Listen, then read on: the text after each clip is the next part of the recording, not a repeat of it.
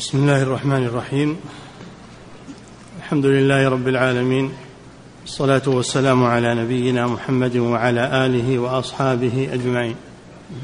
أما بعد قال المؤلف رحمه الله تعالى وقال الله تعالى فلا تعجبك أموالهم ولا أولادهم.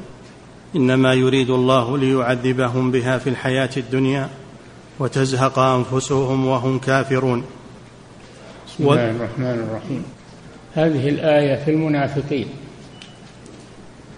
الذين أظهروا الإسلام وأبطنوا الكفر. سموا بالمنافقين هذا اسمهم في القرآن. ومن النفاق. والنفاق هو الخروج. النفاق هو الخروج ومنه النفقة إذا أخرجت فهم خرجوا من من الإيمان. ليس عندهم إيمان. وأظهروا الإسلام لأجل أن يعيشوا مع المسلمين خوفا من القتل. الرسول صلى الله عليه وسلم قبل منهم علانيتهم وترك سرائرهم إلى الله عز وجل. والله جل وعلا ذمهم وعابهم في القرآن الكريم كرر هذا لأجل الحذر منهم لأنهم عدو باطني. الكفار الأصليون أعدى ظاهرون يعرفهم المسلمون يتخذون الوقاية منهم لكن هؤلاء يظهرون الإسلام ويعيشون مع المسلمين وهم يخادعون الله والذين آمنوا. يخادعون الله والذين آمنوا. وما هم بمؤمنين؟ الله جل وعلا قال فيهم هم العدو فاحذرهم. قاتلهم الله أنا يؤفكون. فينبغي الحذر منهم. قال جل وعلا يا أيها النبي جاهد الكفار والمنافقين. الكفار يجاهدون بالسلاح والمنافقون يجاهدون بالحجة يجاهدون بالحجة والبيان. كشف أسرارهم حتى يعرفهم المسلمون ويحذروا منهم. الله جل وعلا قد يعطيهم فصاحة في الكلام. قال تعالى وإذا رأيتهم يعطيهم جمالا في المظاهر ويعطيهم فصاحة في اللسان باب الابتلاء والامتحان وإذا رأيتهم تعجبك أجسامهم وإن يقولوا تسمع لقولهم عندهم فصاحة يؤثرون على من سمع وإن يقولوا تسمع لقولهم كأنهم خشب مسندة يحسبون كل صيحة عليهم يعني دائما هم يتوقعون العقوبة ويخافون أن تنكشف أسرارهم عند المسلمين فيعاقبونهم يحسبون كل صيحة عليهم من الخوف عندهم خوف ورعب. هم العدو فاحذرهم قاتلهم الله. أنا يؤفكون. فيجب الحذر منهم. وعدم الانخداع بهم. ولو أظهروا ما أظهروا من التملق ومن آه من الدعوة إلى الله بزعمهم. فيهم دعاة. فيهم أحزاب فيهم طوائف. ينبغي الحذر منهم. والحذر منهم. جاهد الكفار والمنافقين واغلظ عليهم. ومأواهم جهنم. بئس المصير. الله جل وعلا يبتليهم فيعطيهم الأموال. يكونون أثرياء. ويعطيهم الأولاد. وليس ذلك من صالحهم وإنما هو لشقائهم ليشقيهم الله بالأموال ويشقيهم بالأولاد.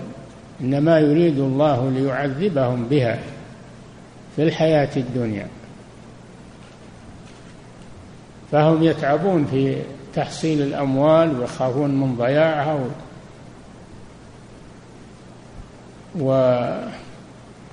ويتعبون أيضا مع الأولاد والأولاد يتعبونهم. إنما يريد الله ليعذبهم بها في الحياة الدنيا. تزهق أنفسهم وهم كافرون. نعم. الله أنزل فيهم سورة التوبة. فضح كثيرا من أسرارهم ولهذا تسمى سورة التوبة بالفاضحة لأنها فضحتهم. وأنزل فيهم أيضا سورة أخرى إذا جاءك المنافقون سورة المنافقون إذا جاءك المنافقون من أولها إلى آخرها فيها. يحذرهم المسلمون لأنهم يعيشون بينهم. ويخدعونهم. يجب الحذر منهم. فالأموال والأولاد فتنة. إنما أموالكم وأولادكم فتنة. الله عنده أجر عظيم. فتنة يعني ابتلاء واختبار. من يطيع الله في المال من يطيع الله في الأولاد ومن يعصي الله في المال ويعصي الله في الأولاد. والنفس تحب الأموال وتحب الأولاد فقد تنحرف مع المال وتنحرف مع الأولاد. تعصي الله عز وجل. هذه فتنة. نعم.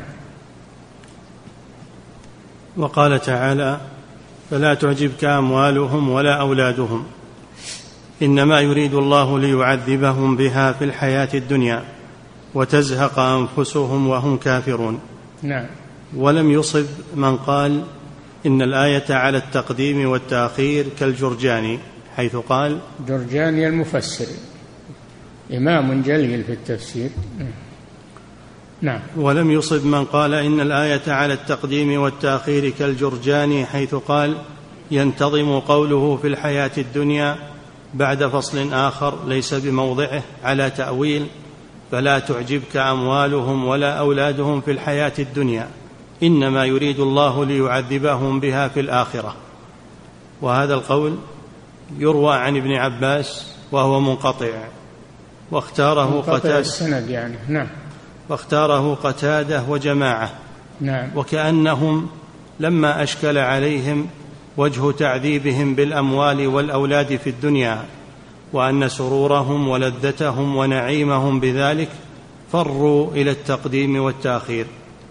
إيه نعم. يعني هم نظروا إلى الظاهر إن الأموال فيها مسرة للنفوس و والأولاد فيهم مسرة أيضا. فكيف يكونون عذابا؟ إنما العذاب في الآخرة يقولون. فهم إنما يريد الله ليعذبهم يعني في الآخرة.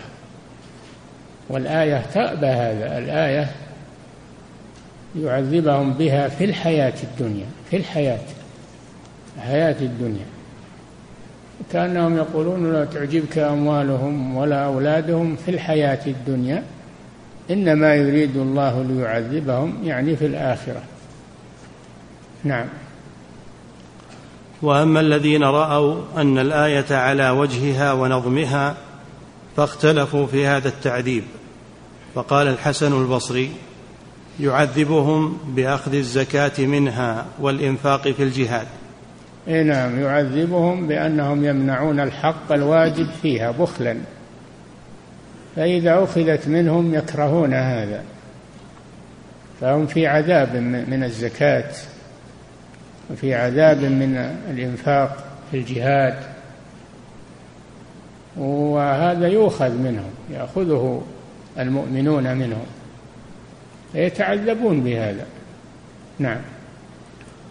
فقال الحسن البصري يعذبوهم بأخذ الزكاة منها والإنفاق في الجهاد واختاره ابن جرير وأوضحه فقال العذاب بها إلزامهم بما أوجب الله عليهم فيها من حقوقه وفرائضه.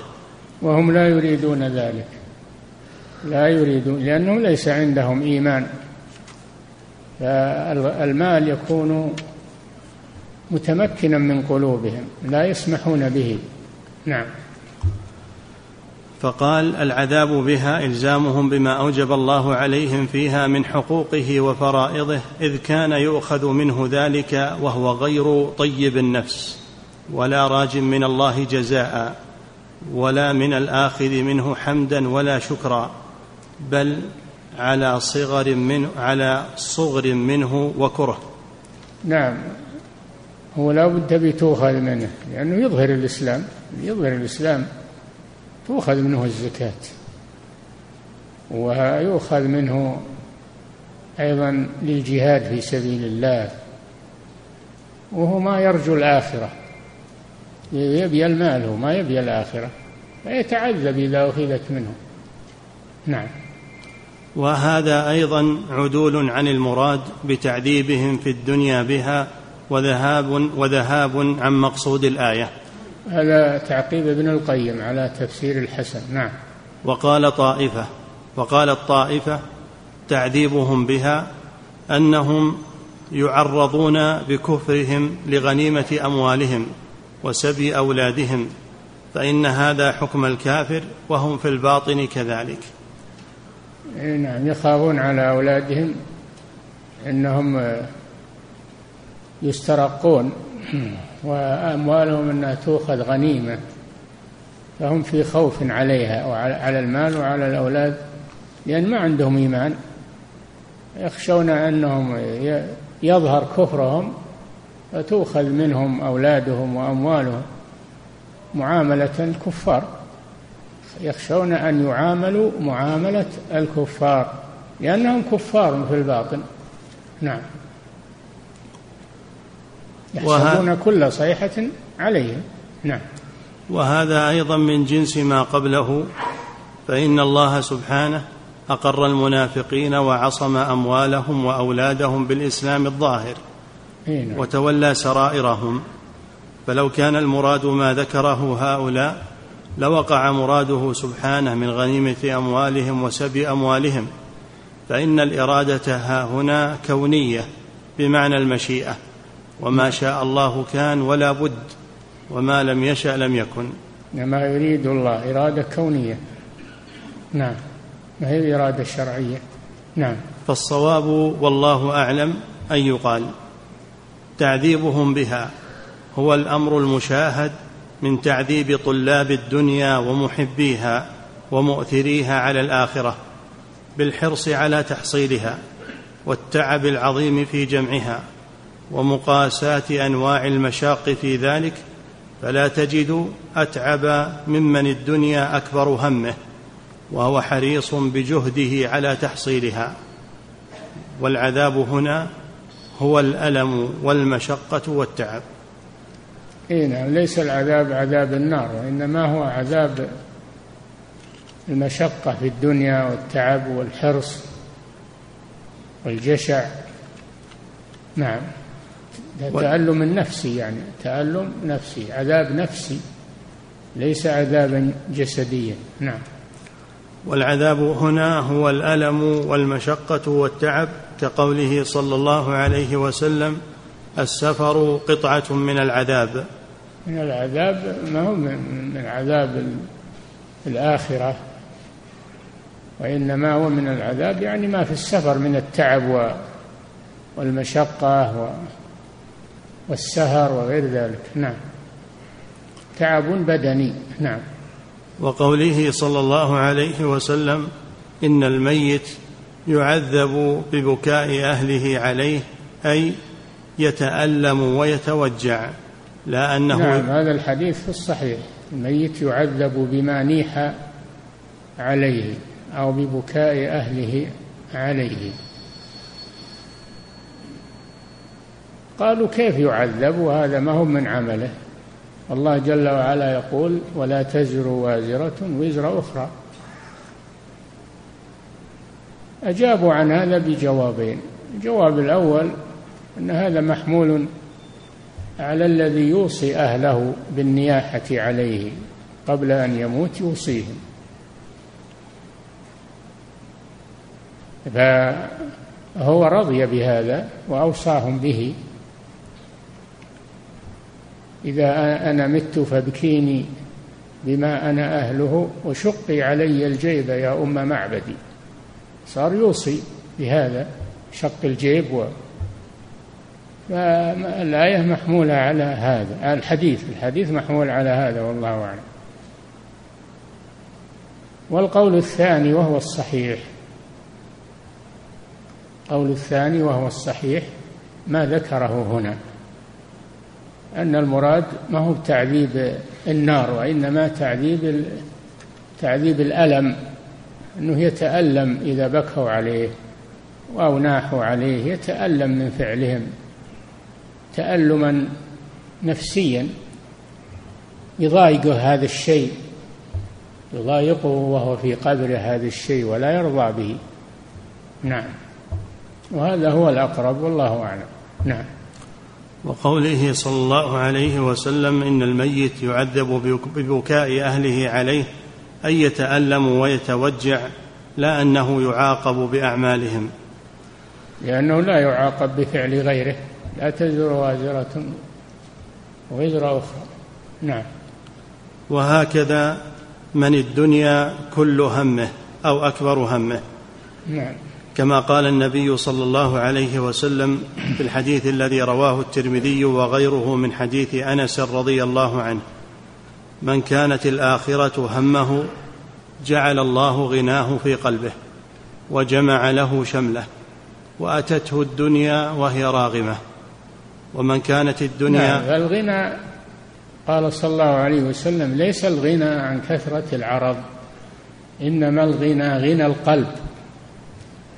الله يعطي غنى القلب لعباده المؤمنين فيرتاحون بذلك ولو ما معهم من الدنيا إلا قليل. يرتاحون بذلك. وأما إذا كان فقدوا غنى القلب لو جمعت لهم الدنيا كلها ما استراحوا يريدون المزيد. يريدون المزيد. فالغنى ما هو بكثرة المال الغنى كثرة الغنى هو غنى القلب. هذا هو الغني. نعم. من كانت الآخرة همه جعل الله غناه في قلبه وجمع له شمله وأتته الدنيا وهي راغمة. أي نعم هذه هذه الفوائد التي تحصل من غنى القلب. أن الله يجمع له شمله ويفرج همه و أيضا تأتيه الدنيا يرزق المال يرزق لكن المال ما يكون في قلبه يكون المال في يده ولا في قلبه. ينفقه ويتصدق منه ويقدمه لآخرته. نعم. ومن كانت الدنيا همه جعل الله فقره بين عينيه. لو اجتمعت له الدنيا كلها ما قنع. نعم. وفرق لأنه فقير القلب. نعم. فالفقر فقر القلب ما هو بالفقر؟ قلة المال فقر القلب. نعم. جعل الله فقره بين عينيه وفرق عليه شمله ولم ياته من الدنيا إلا ما قدر له. نعم. ومن أبلغ العذاب في الدنيا نعم. ومن أبلغ العذاب في الدنيا تشتيت الشمل وتفرق القلب.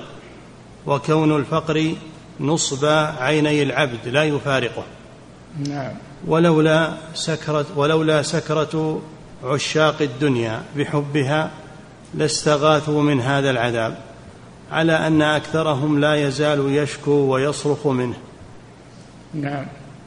وفي الترمذي أيضا عن أبي هريرة رضي الله عنه عن النبي صلى الله عليه وسلم قال يقول الله تبارك وتعالى ابن آدم تفرغ لعبادتي.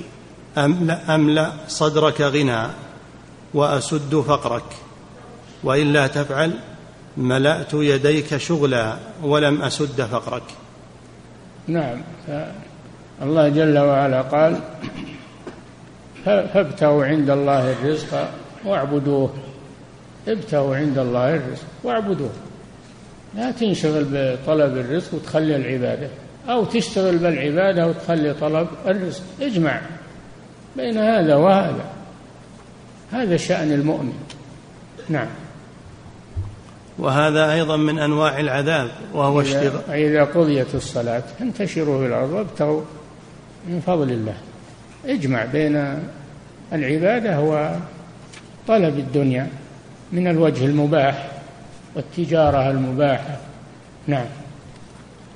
وهذا أيضا من أنواع العذاب وهو اشتغال القلب والبدن بتح... ما, ما قال لهم إذا فرغتم من الصلاة اجلسوا في المسجد. اجلسوا في المسجد لا تطلعون. اعبدوا ربكم في المسجد ولا تطلعون. قال إذا قضيت الصلاة انتشروا انتشروا هذا أمر من الله سبحانه وتعالى. انتشروا في الأرض. ليه؟ وابتغوا من فضل الله. اطلبوا اطلبوا الرزق. نعم. وهذا أيضا من أنواع العذاب وهو اشتغال القلب والبدن بتحمل أنكاد الدنيا ومجاذبة أهلها إياها ومقاساة معاداتهم. كما قال بعض السلف من أحب الدنيا فليوطن نفسه على تحمل المصائب. حب الدنيا شقاء نعم. ومحب الدنيا لا ينفك من ثلاث هم لازم وتعب دائم وحسرة لا تنقضي. أي نعم هو في هم وفي تعب وفي حسرة. دائما وابدا هذا محب الدنيا. نعم. وذلك أن محبها لا ينال منها شيئا إلا طمحت إلا طمحت نفسه إلى ما فوقه. كما في الحديث الصحيح عن النبي صلى الله عليه وسلم لو كان لابن آدم واديان لو كان لابن آدم واديان من مال لابتغى لهما ثالثا. نعم. هذا في الحديث الصحيح. لو أعطي ابن آدم ويقال إنه آية من القرآن منسوخة. لو أعطي ابن آدم واديا من ذهب لابتغى إليه ثانيا. ولو أعطي ثانيا لابتغى إليه ثالثا. ولا يملأ جوف ابن آدم إلا التراب. ويتوب الله على من تاب. نعم. وقد مثل عيسى ابن مريم عليه السلام وقد مثل عيسى ابن مريم عليه السلام محب, محب, محب الدنيا بشارب البحر كلما ازداد شربا ازداد عطشا. لأن البحر مالح لا يرفع العطش كل ما ازداد شرب زاد عطشه. كذلك الدنيا مثل البحر إذا شربت منها تزداد عطشا. نعم. وذكر ابن أبي الدنيا أن الحسن كتب إلى عمر بن عبد العزيز رحمه الله. أما بعد فإن الدنيا دار ضعن. ليس ضعن يعني رحيل. نعم. ليست بدار إقامة. نعم. إنما أنزل إليها آدم عقوبة. إنما إنما أنزل إليها آدم عقوبة. إنما أنزل آدم عليه السلام إلى إلى الدنيا عقوبة له على أكله من الشجرة على أكله من الشجرة التي نهاه الله عن الأكل منها. فأهبطه الله من الجنة إلى الأرض عقوبة له. نعم. إنما أنزل إليها آدم عقوبة فاحذرها يا أمير المؤمنين فإن الزاد منها تركها والغنى فيها فقرها لها في كل حين قتيل تذل من أعزها وتفقر من جمعها كالسم يأكله من لا يعرفه وهو حتفه. فكن وهو حتفه يعني موته نعم. فكن فيها كالمداوي جراحه يحتمي قليلا مخافة ما يكره طويلا ويصبر على شدة الدواء مخافة طول مخافة طول البلاء. نعم.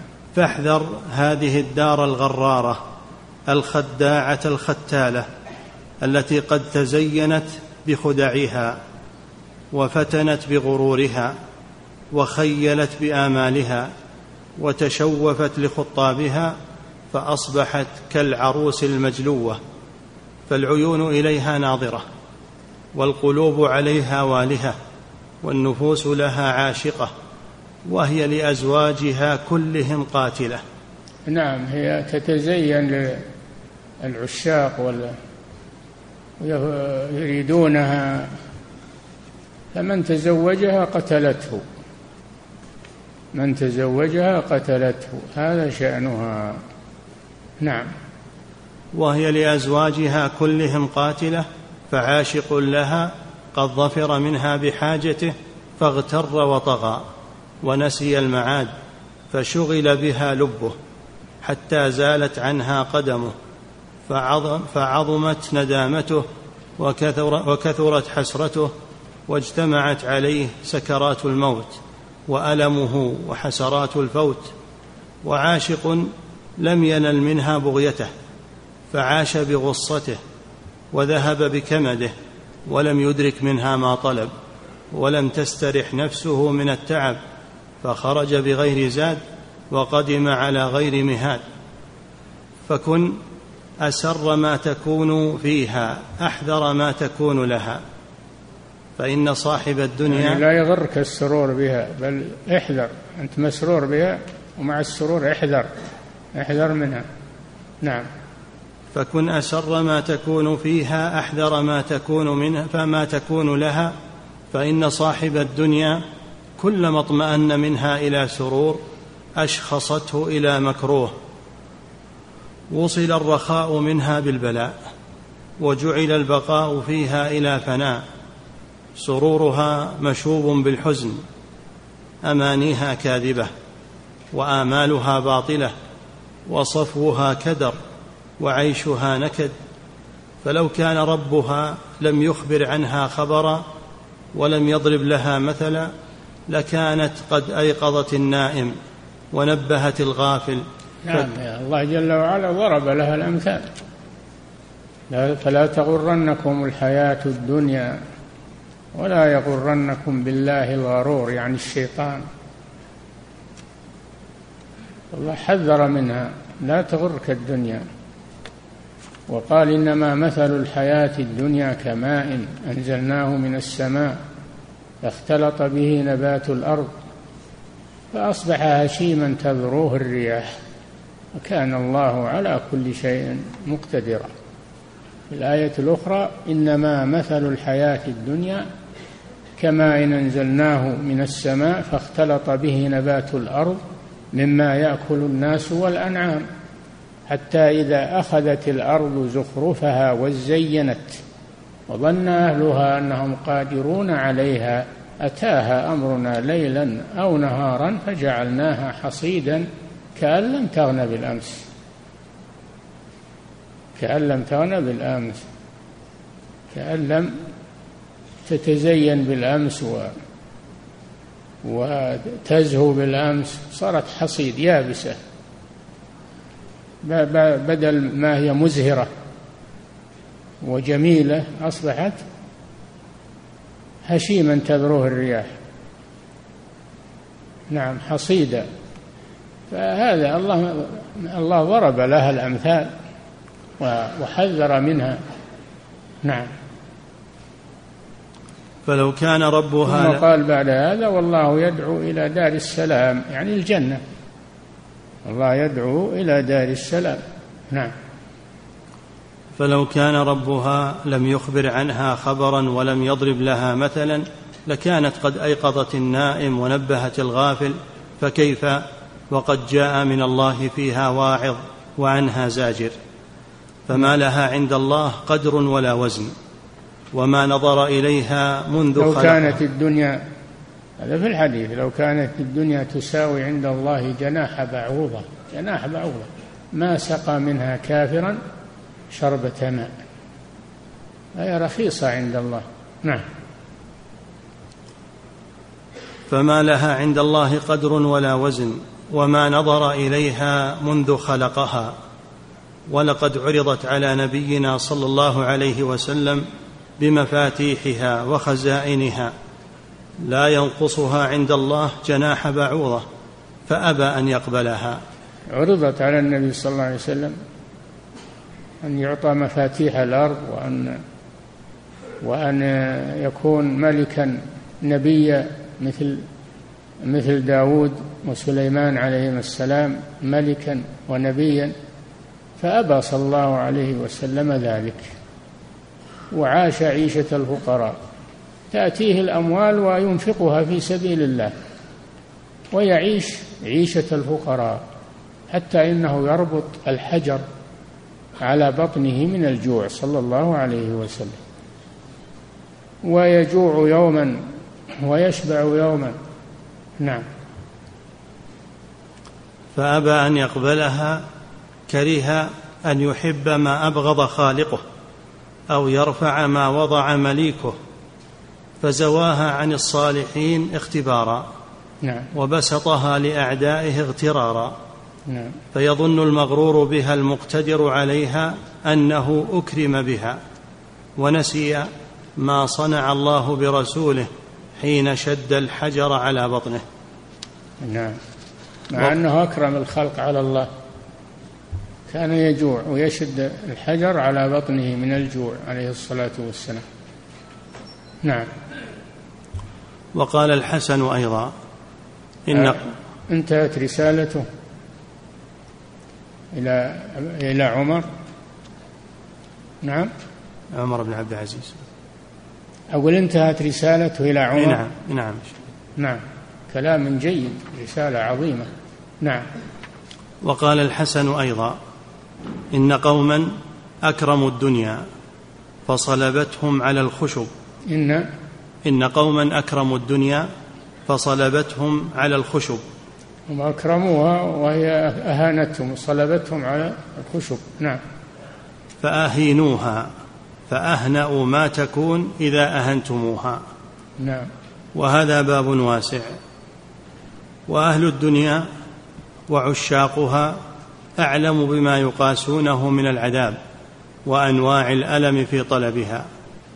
ولما كانت هي أكبر هم من لا يؤمن بالآخرة ولا يرجو لقاء ربه كان عذابه بها بحسب حرصه عليها وشدة اجتهاده في طلبها. وإذا أردت أن تعرف عذاب أهلها بها فتأمل حال عاشق فان في حب معشوقه فكلما رام قربا من معشوقه نأى عنه ولا يفي له ويهجره ويصل عدوه فهو في معشوقه في أنكد عيش يختار يختار الموت دونه فمعشوقه قليل الوفاء كثير الجفاء كثير الشركاء. يعني الدنيا نعم.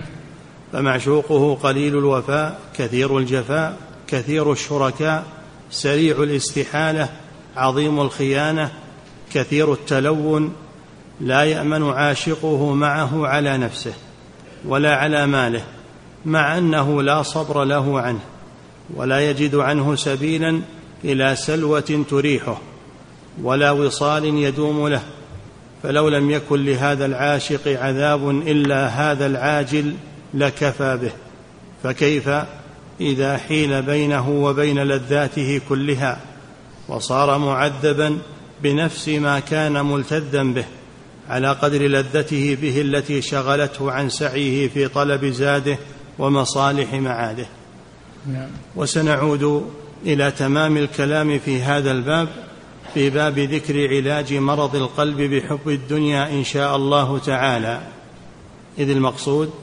بيان أن من أحب شيئا سوى الله تعالى ولم تكن محبته له لله ولا لكونه معينا له على طاعة الله عذب به في الدنيا قبل اللقاء. نعم من أحب شيئا لغير الله عذبه الله بما أحب. عذبه الله بما أحب.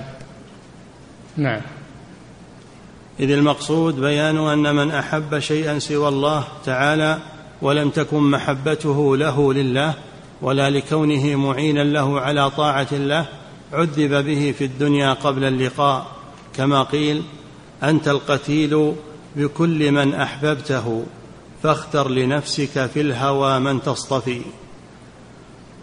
نعم. فإذا كان يوم المعاد ولى الحكم فإذا كان يوم المعاد ولى الحكم العدل سبحانه كل محب ما كان يحبه في الدنيا فكان معه إما منعما أو معذبا. ولهذا يمثل لمحب المال ماله شجاعا أقرع. يأخذ بلهزمتيه يقول أنا مالك أنا كنزك كما, كما في الحديث الصحيح وفي في الآية. ولا يحسبن الذين يبخلون بما آتاهم الله من فضله هو خيرا لهم بل هو شر لهم. سيطوقون ما بخلوا به يوم القيامة. وجاء في الحديث أنه إذا وضع في قبره جاءه ثعبان أقرع مملوءا من السم فأخذ بلهزمتيه وأفرغ ما وأفرغ السم فيه وقال أنا كنزك أنا مالك. أنا كنزك أنا مالك. وفي القرآن والذين يكنزون الذهب والفضة ولا ينفقونها في سبيل الله فبشرهم بعذاب أليم يوم يحمى عليها في نار جهنم فتكوى بها جباههم وجنوبهم وظهورهم. هذا ما كنزتم لأنفسكم. فذوقوا ما كنتم تكنزون. والمراد بالكنز هو ما لا تخرج زكاته. الذي لا تخرج زكاته هذا كنز. ما هو الكنز المدفون مثل ما يفهم العوام. الكنز هو الذي لا تخرج زكاته. وما أخرجت زكاته فليس بكنز. نعم. فإذا كان يوم المعاد ولا الحكم العدل سبحانه كل محب ما كان يحبه في الدنيا فكان معه إما منعما أو معذبا ولهذا يمثل لمحب المال ماله شجاعا أقرع. في الحديث المرء مع من أحب يوم القيامة فالذي يحب الأخيار يكون مع الأخيار. والذي يحب الأشرار يكون مع الأشرار. نعم. ولهذا يمثل لمحب المال ماله شجاعا أقرع يأخذ, يأخذ بلهزمتيه يقول أنا مالك أنا كنزك وتصفح له صفائح من نار فيكوى بها جبينه وجنبه وظهره. كما في الآية. عرفنا أن المراد بالكنز هو الذي لا تخرج زكاته. نعم. وكذلك عاشق الصور إذا اجتمع هو ومعشوقه على غير طاعة الله. عاشق الصور اللي يعشق النساء ويعشق الجميلات في غير الحلال في غير الحلال يكن عذابا عليه. نعم. وإن نال منهن ما يريد إلا أن هذا عذاب عليه. نعم. وكذلك عاشق الصور إذا اجتمع هو ومعشوقه على غير طاعة الله جمع بينهما في النار. نعم. وعذب كل منهما بصاحبه. الزناة والزواني يوم القيامة يكونون في تنور من نار والعياذ بالله. يرتفع بهم ويهبط بهم. نعم. وعذب كل منهما بصاحبه. قال تعالى الأخلاء يومئذ بعضهم لبعض عدو إلا المتقين. إي نعم. فالأخلاء إذا كانوا في غير طاعة الله متحابين في غير الله فإنهم يلعن بعضهم بعضا يوم القيامة ويعادي بعضهم بعضا. الأخلاء يومئذ بعضهم لبعض عدو إلا المتقين. يلعن بعضهم بعضا. يقول أنت السبب أنت اللي أهلكتني أنت اللي أوقعتني في هذا أنت أنت. نعم. وأخبر سبحانه أن الذين توادوا في الدنيا على الشرك يكفر بعضهم ببعض يوم القيامة ويلعن بعضهم بعضا. إنما تعبدون من دون الله أوثانا مودة بينكم في الحياة الدنيا ويوم القيامة يكفر بعضكم ببعض ويلعن بعضكم بعضا ومأواكم النار. ما لكم من ناصرين. نعم. وأخبر سبحانه أن الذين توادوا في الدنيا على الشرك يكفر بعضهم ببعض يوم القيامة ويلعن بعضهم بعضا ومأواهم النار وما لهم من ناصرين. نعم. فالمحب كما قال إبراهيم عليه السلام لقومه. نعم. فالمحب مع محبوبه دنيا وأخرى. ولهذا يقول تعالى يوم القيامة للخلق أليس عدلا مني أن أولي كل رجل منكم ما كان يتولى في دار الدنيا؟ إي نعم يعني يجمع بينه وبين من يحب في الدنيا المؤمن مع المؤمنين والكافر مع الكفار. هذا عدل من الله سبحانه وتعالى المرء مع من أحب يوم القيامة. نعم. وقال النبي صلى الله عليه وسلم المرء مع من أحب. نعم. وقال تعالى قال لما قال له رجل يا يا محمد متى الساعة؟ قال ماذا أعددت لها؟ قال لا شيء إلا أني أحب الله ورسوله. قال صلى الله عليه وسلم المرء مع من أحب يوم القيامة. نعم. وقال تعالى ويوم يعض الظالم على يديه. يقول يا ليتني اتخذت مع الرسول سبيلا. يا ويلتى ليتني لم أتخذ فلانا خليلا. لقد أضلني عن الذكر بعد إذ جاءني وكان الشيطان للإنسان خذولا. وقالت نعم هذا هذا المصير يوم القيامة أن كل خليل يلعن خليله إذا كان الخلة على غير طاعة الله والمحبة في غير في غير الله عز وجل. تنقلب إلى عداوة وبغضاء وتلاعن بينهم والعياذ بالله. نعم. وقال تعالى احشروا الذين ظلموا وأزواجهم وما كانوا يعبدون من دون الله. أزواجهم يعني أشباههم. أشباههم. نعم. احشروا الذين ظلموا وأزواجهم وما كانوا يعبدون من دون الله فاهدوهم إلى صراط الجحيم. وقفوهم إنهم مسؤولون ما لكم لا تناصرون.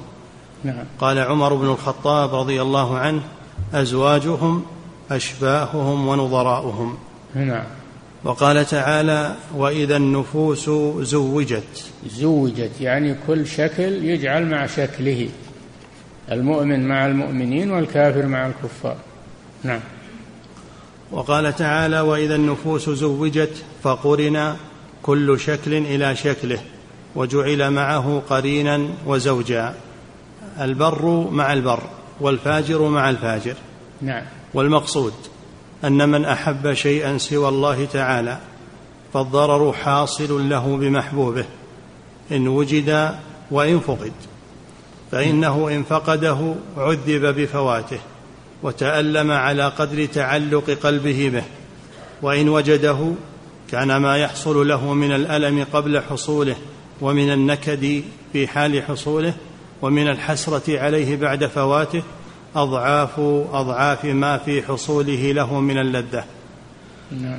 فما في الأرض أشقى من محب وإن وجد الهوى حلو المذاق تراه باكيا في كل حال مخافة فرقه أو الاشتياق فيبكي إن فيبكي إن نأى شوقا إليهم ويبكي إن دنوا حذر الفراق. حذر ويبكي إن دنوا حذر حذر الفراق. نعم. فتسخن عينه عند التلاقي وتسخن عينه عند الفراق. نعم. وهذا أمر معلوم بالاستقراء والاعتبار والتجارب. ولهذا قال النبي صلى الله عليه وسلم في الحديث الذي رواه الترمذي وغيره الدنيا ملعونة ملعون ما فيها إلا ذكر الله وما والاه.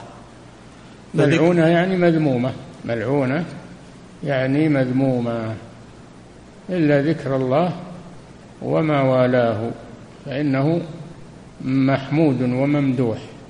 نعم. فذكر الله جميع أنواع طاعته. المراد بذكر الله هنا ما هو بالمقصود الذكر باللسان فقط. بل كل الطاعات ذكر لله وإن لم يتلفظ إذا صلى فقد ذكر الله إذا تلا القرآن فقد ذكر الله إذا تصدق فقد ذكر الله. كل الطاعات ذكر لله عز وجل. نعم. فذكر الله جميع أنواع طاعته فكل من كان في طاعته فهو ذاكره وإن لم, يتح وإن لم يتحرك لسانه بالذكر. نعم. وكل من والاه الله فقد أحبه وقربه. وكل وكل من والاه الله نعم. فقد أحبه وقربه. فاللعنة والموا... والموالاة هنا معناها المحبة. نعم. فاللعنة لا تنال أو فاللعنة لا تنال ذلك بوجه وهي نائلة كل ما عداه. نعم. الوجه السابع. يكفي نقف انتهى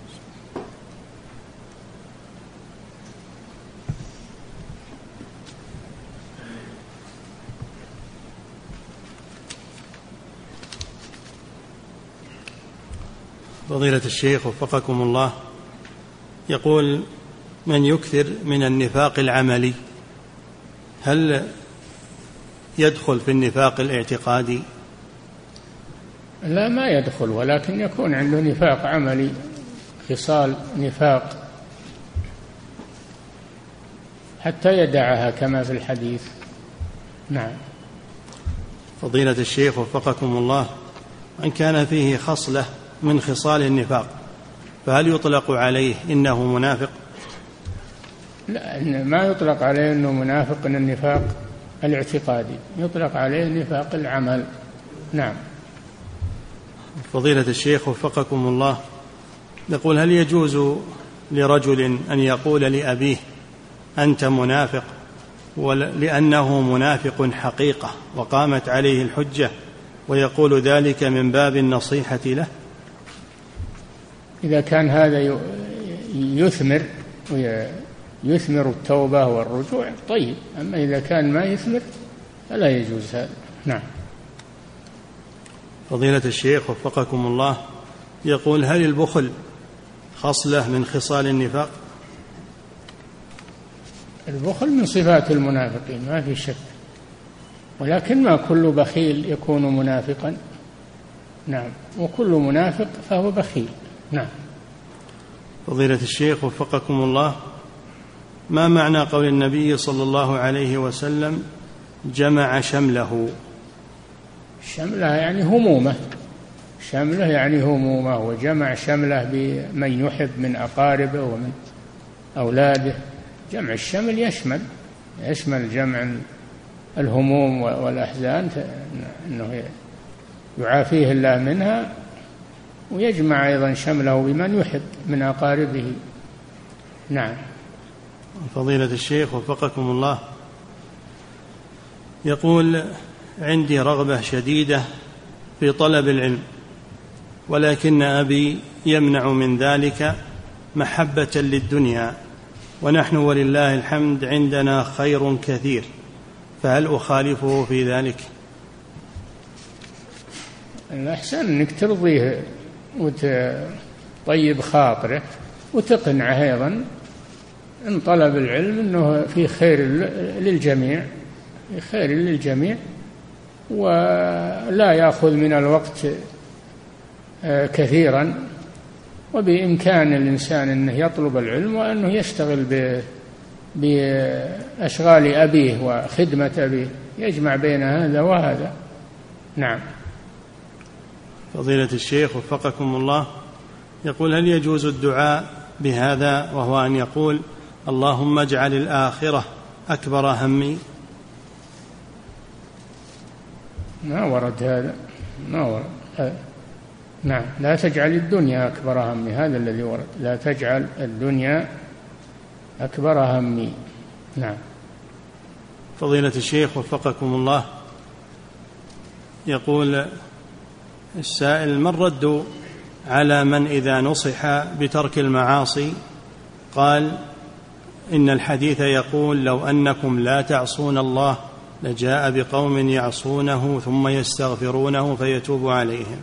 إيه ما كمل الحديث ثم يستغفرونه ويتوب عليه. أما أنه يعصي ويكثر من المعاصي ولا يستغفر ولا يتوب فهذا والعياذ بالله شقي. وهذا لا يحبه الله. الذي لا يتوب الله لا يحبه. إن الله يحب التوابين ويحب المتطهرين. نعم. فضيلة الشيخ وفقكم الله. يقول تفكير المرء بالتجارة في الدنيا وإذا وجد فرصة للتجارة بادر إليها لكي يسد حاجته وحاجة أبنائه وله قدر من المساهمة في أعمال الخير. هل في هذا محذور شرعي؟ لا هذا طيب.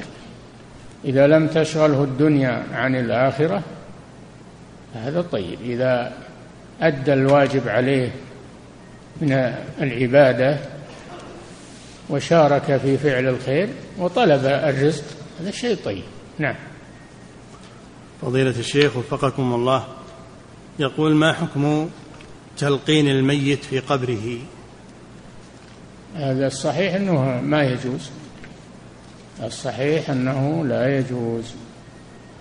وإن كان ورد فيه بعض ورد فيه أثر ورخص فيه بعض العلماء لكن الصحيح أنه لا يجوز. وإنما الذي أمر النبي صلى الله عليه وسلم به أنه يوقف على قبره ويستغفر له ويسأل له التثبيت. قال صلى الله عليه وسلم استغفروا لأخيكم واسألوا له التثبيت فإنه الآن يسأل. هذا الذي أوصى به النبي صلى الله عليه وسلم. نعم. فضيلة الشيخ وفقكم الله كيف يوفق الإنسان بين حرصه على طلب الرزق وعدم حبه للدنيا؟ نعم. كيف يوفق الإنسان بين حرصه على طلب الرزق وعدم حبه للدنيا؟ نعم هو ما هو بيحرص عليها حبا لها إنما يحرص عليها لأجل أن يسد حاجته. والنبي صلى الله عليه وسلم قال احرص على ما ينفعك واستعن بالله ولا تعجزن. احرص على ما ينفعك فكونك تحرص على شيء ينفعك في نفقتك وفي صدقتك وفي آه، برك بأقاربك الصلة هذا شيء طيب. نعم. فضيلة الشيخ وفقكم الله يقول هل يدخل المنافقون الجنة بعد العذاب؟ ما عندهم إيمان يدخلون الجنة. المنافقون الخلص نفاق الاعتقادي الله جل وعلا توعدهم مع الكفار بالنار.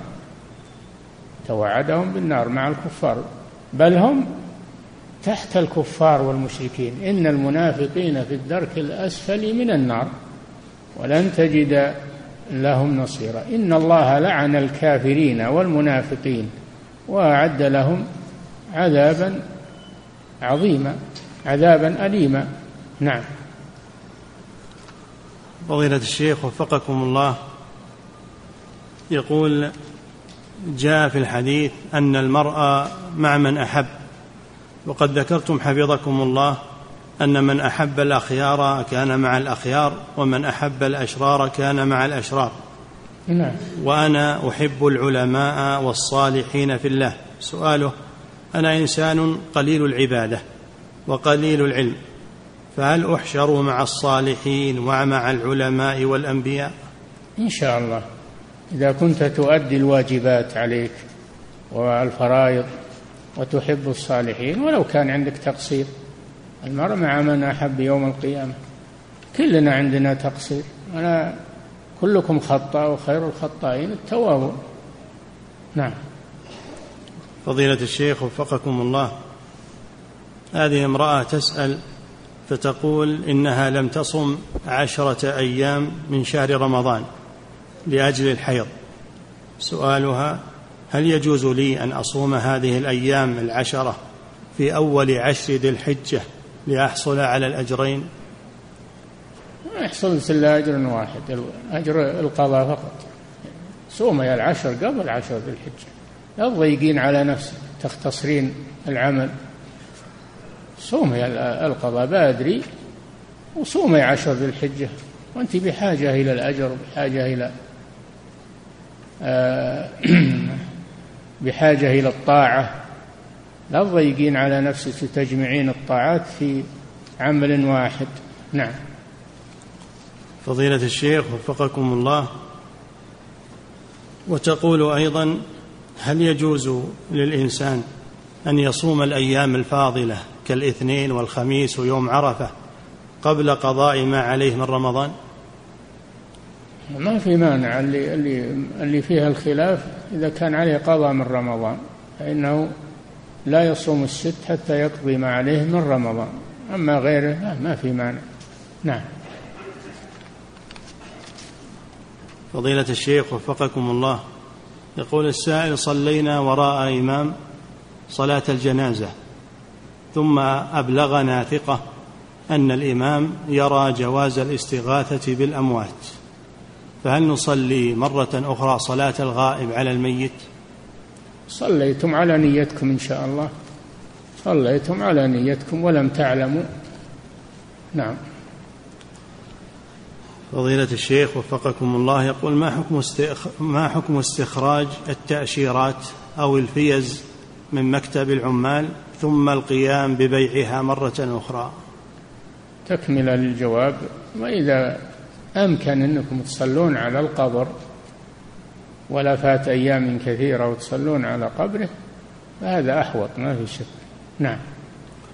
فضيلة الشيخ وفقكم الله يقول ما حكم ما حكم استخراج التأشيرات أو الفيز من مكتب العمال ثم القيام ببيعها بعد ذلك مرة أخرى؟ هذا حسب النظام إذا كان النظام لا يمنع فلا مانع إذا كان النظام يمنع من هذا فلا يجوز. نعم لا تخالف النظام. نعم.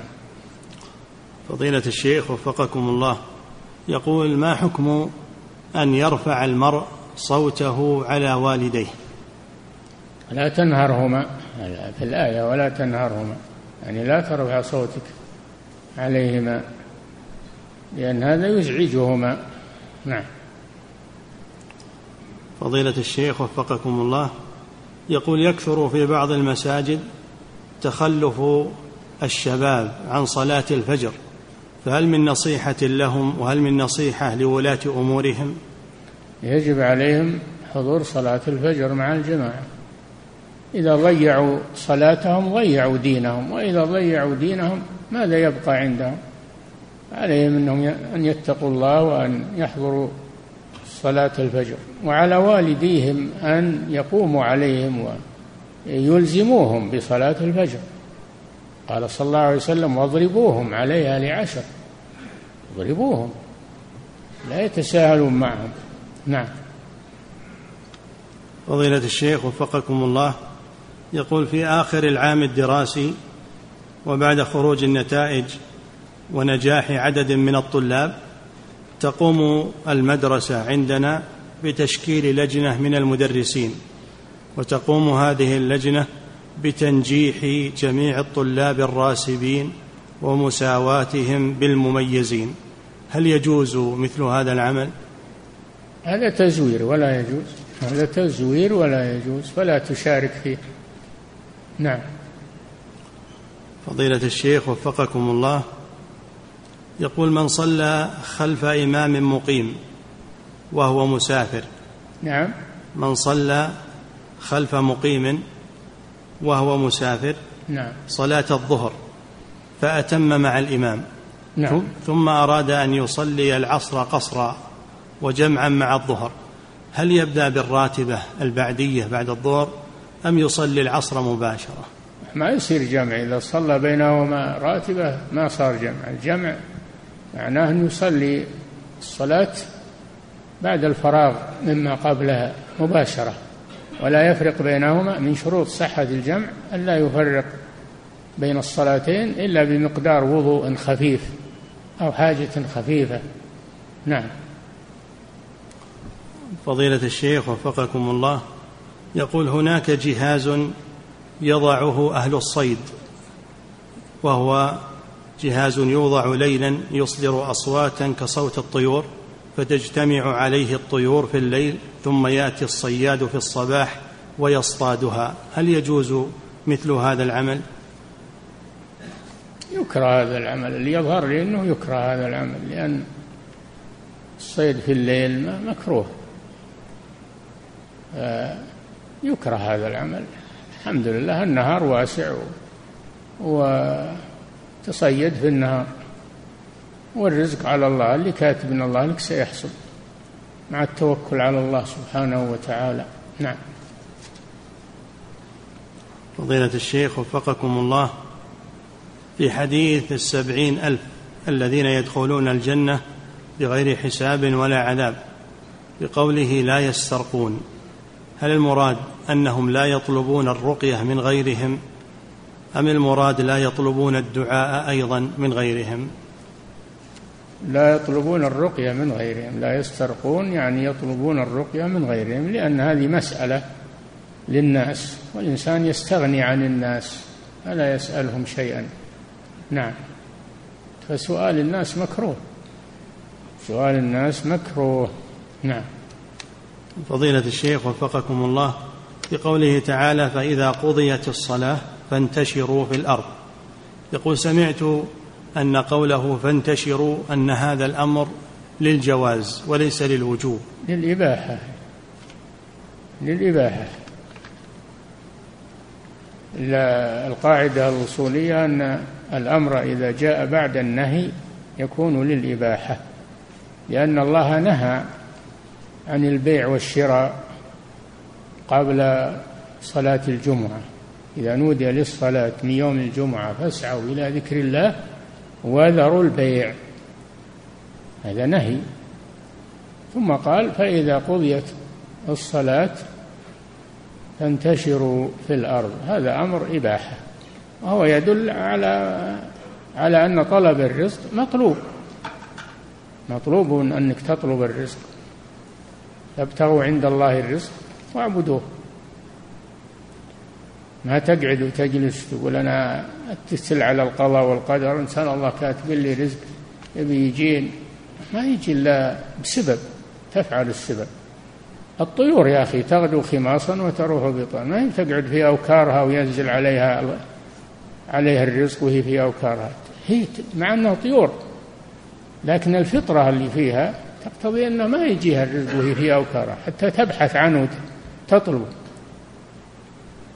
هذا من طلب الرزق. نعم. نعم.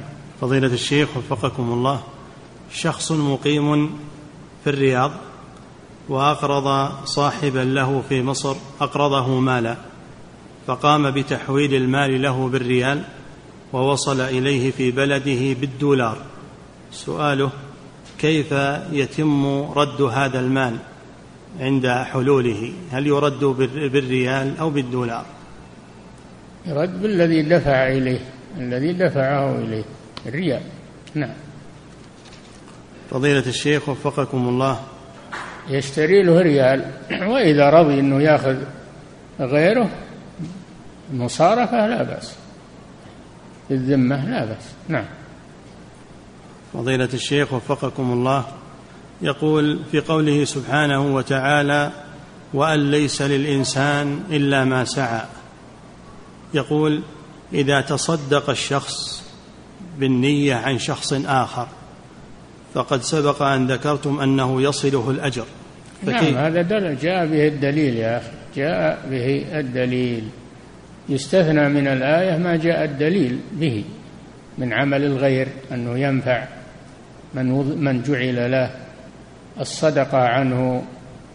النبي صلى الله عليه وسلم لما سأله سعد بن عبادة رضي الله عنه أن أمه ماتت وأنها تريد أن تتصدق. أفأتصدق عنها؟ قال نعم. تصدق عن أم تصدق عن أمه. يدل على أن الصدقة يصل ثوابها إلى الميت. كذلك الحج والعمرة عن الميت. كذلك الدعاء الدعاء للميت. كل هذا يصل إليه من عمل الحي. لأن الأدلة وردت به. نعم. فضيلة الشيخ وفقكم الله. يقول هل يجوز للحامل أن تحج وإذا كان عليها ضرر فهل يسقط عنها الحج؟ هل يجوز للحامل أن تحج وإذا كان عليها ضرر فهل يسقط عنها الحج؟ ما يسقط لكن يتأجل. تأجل الحج. إلى عام آخر تحافظ على الحمل إذا كان عليه ضرر. نعم. فضيلة الشيخ وفقكم الله يقول من استقام على الدين وهو يرى ما يرى من الجماعات والفرق ويرى كثرتها وتفرقها ويرى من يحذره من هذه الجماعات من هذه الجماعة ومن هذه الجماعة ما نصيحتكم لهذا؟ إنه يلزم الطريق الصحيح منهج أهل السنة والجماعة منهج السلف الصالح. قال صلى الله عليه وسلم من كان على مثل ما أنا عليه اليوم واصحابي يلزم هذا. السابقون الأولون من المهاجرين والأنصار والذين اتبعوهم بإحسان. اتباع السابقين الأولين السابقين الأولين اتبعهم بإحسان بإتقان. يعرف مذهبهم ويلتزم به. هذا المفروض. ولا ينظر إلى الفرق الثانية والمخالفة. نعم. فضيلة الشيخ وفقكم الله يقول ما حكم العمل في في مهنة المحاماة في البلدان التي لا تتحاكم بشرع الله وتحكم القوانين الوضعية؟ إذا كان ما يظلم أحد وإنما يصدق ويأخذ الحق لصاحبه الموكل فلا بأس بذلك. هو لا يظلم أحد ولا يكذب. ويقتصر على أخذ الحق لصاحبه فقط. نعم. فضيلة الشيخ وفقكم الله يقول تنتشر عبارة بين طلبة العلم وهي أن من كثر علمه قل إنكاره. فهل يصح أن تجعل هذه؟ تنتشر عبارة بين طلبة العلم وهي أن من كثر علمه قل علمه؟ نعم. إيه. قل إنكاره. هذا غلط. كثر علمه كثر إنكاره. لأن إن لأن العلم يزيده يزيده إنكارا للمنكر وأمرا بالمعروف. العلم ما يأتي إلا بخير. هذا معنى على كلامه أن العلم جاء بشر وهو عدم الإنكار. هذا كلام باطل. نعم. فضيلة الشيخ وفقكم الله يقول إلا إن كان قصد من كثر علمه بالمنكرات. إذا كثر علمه بالمنكرات ربما يتساهل. أما إن كان قصده العلم الشرعي هذا غلط. نعم. فضيلة الشيخ وفقكم الله يقول تبعد منطقة عملي مئتين وخمسين كيلو وأذهب لها يوما واحدا فقط في الأسبوع. سؤالي هل يجوز أن أجمع وأن أقصر الصلاة في عملي؟ ما دام أنك ما أنت مقيم في عملك تبي ترجع بيومك آه، لا تقصر ما في مانع. نعم تجمع وتقصر.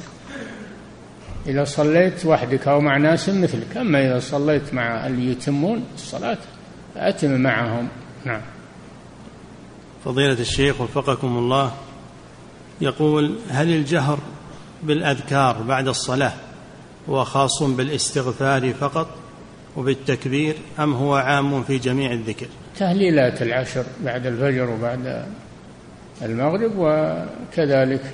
الذكر بعد بقية الصلوات الذكر الذي يقال المشروع. اللهم أنت السلام ومنك السلام تباركت يا ذي الجلال والإكرام. لا إله إلا الله ولا نعبد إلا إياه له الملك وله النعمة وله الفضل وله الثناء الحسن. لا إله إلا الله مخلصين له الدين. ولو كره الكافرون اللهم أعني على ذكرك وشكرك وحسن عبادتك. هذا تجهر به بعد الصلوات. والتهليلات العشر بعد الفجر وبعد المغرب تجهر بها. أما التسبيح والتكبير و وتحميد ثلاث وثلاثين هذا ما ما تجهر به. هذا بينك وبين نفسك. نعم. فضيلة الشيخ وفقكم الله قاتل نفسه هل يكفر بفعله هذا؟ من قتل نفسه. هل يكفر بفعله هذا؟ لا هذا يعتبر مرتكب لكبيرة من كبائر الذنوب. مرتكب لكبيرة من كبائر الذنوب ولا يعتبر كافرا. نعم. فضيلة الشيخ. إلا إذا استحل هذا إذا استحل قتل النفس نفسه أو نفس غيره إذا استحله قد كفر. أما ما دام أنه ما استحله فإنه لا يكفر لكن يعتبر كبيرة من كبائر الذنوب وعليه الوعيد الشديد. من يقتل مؤمنا متعمدا. نعم ولا تقتلوا أنفسكم. إن الله كان بكم رحيما. من يفعل ذلك عدوانا وظلما فسوف نصليه نارا. فالواجب على المسلم إنه يحفظ نفسه ويحفظ أنفس المعصومة ولا يتعدى على أحد. وأما أنه يكفر فلا. نعم. فضيلة الشيخ وفقكم الله بالنسبة لرمي الجمار هل هل يعيد من وضع الحصى وضعا دون رمي في الحوض؟ لا لا ما هو. لازم من الرمي. لو وضع الحصاة ما أجزأت. نعم. فضيلة الشيخ وفقكم الله في مصنف عبد الرزاق ورد أن عائشة رضي الله عنها خرجت بأختها أم كلثوم حين قتل عنها طلحة ابن عبد الله خرجت بها إلى مكة في عمرة. في مصنف عبد الرزاق. ورد أن عائشة رضي الله عنها خرجت بأختها أم كلثوم حين قتل عنها طلحة بن عبد الله. بن عبيد الله؟ نعم. حين قتل عنها طلحة بن عبيد الله إلى مكة في عمرة. نعم. وقال عروة كانت عائشة رضي الله عنها تفتي المتوفى عنها زوجها بالخروج في عدتها. سؤاله من هذا النص هل يقال بجواز خروج المعتدة بوفاة أن تخرج للحج؟ لا ما تخرج للحج. إنما قالوا إذا خرجت للحج مع محرم وتوفي زوجها أثناء خروجها أثناء السفر إن كان بلغت مسافة قصر فإنها لا ترجع تكمل سفرها وحجها. أما إذا بلغها الخبر وهي دون مسافة القصر فإنها ترجع تبقى في البيت. نعم. فضيلة الشيخ وفقكم الله يقول ما المقصود بالتورق وما حكمه؟ ما المقصود بالتورق وما حكمه؟ تورق؟ نعم. التورق من الرقة وهي الفضة. التورق معناه طلب النقود طلب النقود. والمعروف أن التورق أنه يشتري سلعة بثمن مؤجل إذا كان محتاجا يشتري سلعة بثمن مؤجل ثم يبيعها على غير الداين ويرتفق بثمنها في حاجته الحاضرة فإذا حل الأجل يسدد للداين حقه. هذه مسألة التورق وفيها خلاف. بعض العلماء يرون أنها حيلة إلى الربا. بينما الجمهور يجيزونها للحاجة حاجة الناس إليها. نعم وهي بيع وشراء. نعم. فضيلة الشيخ وفقكم الله يقول شخص مصاب بمرض البواسير. عافانا الله وإياكم. يقول أحيانا وأنا في الصلاة أجد أثر الدم في ملابسي. هل تصح صلاتي وأكملها أم تبطل وأعيدها؟ إذا كان هذا يتكرر فيه مشقة فصلاتك صحيحة إن شاء الله لكن تغسل الدم للمستقبل. أما إذا كان ما هو يتكرر وإنما حصل بعض المرات فهذا إن كان كثيرا الدم كثير ينقض الوضوء الكثير ينقض الوضوء. أما إذا كان يسيرا فلا ينقض الوضوء وصلاتك صحيحة إن شاء الله ويعفى عن الدم اليسير في الثوب. نعم. فضيلة الشيخ وفقكم الله رجل جاء إلى الصلاة والإمام في التشهد الأخير. هل يدخل معه مباشرة أم ينتظر لعل جماعة أخرى تأتي؟ أيهما أفضل؟ إذا كان يعلم أن وراه ناس بيجون أو أو يغلب على ظنه أنه بيجي ناس ينتظر. أما إذا كان ما يغلب على ظنه أن أحد بيجي يدخل مع الإمام ليحصل على الأجر. نعم. فضيلة الشيخ وفقكم الله يقول هل يجوز دفع الزكاة لزوجة الجد المتوفى علما أن الذي يعولها هو خالي وهو فقير؟ زوجة الجد المتوفى. ما هي بجدتك يعني؟ زوجة الجد. نعم. وهي فقيرة لا بأس. إذا كانت فقيرة فلا بأس. نعم.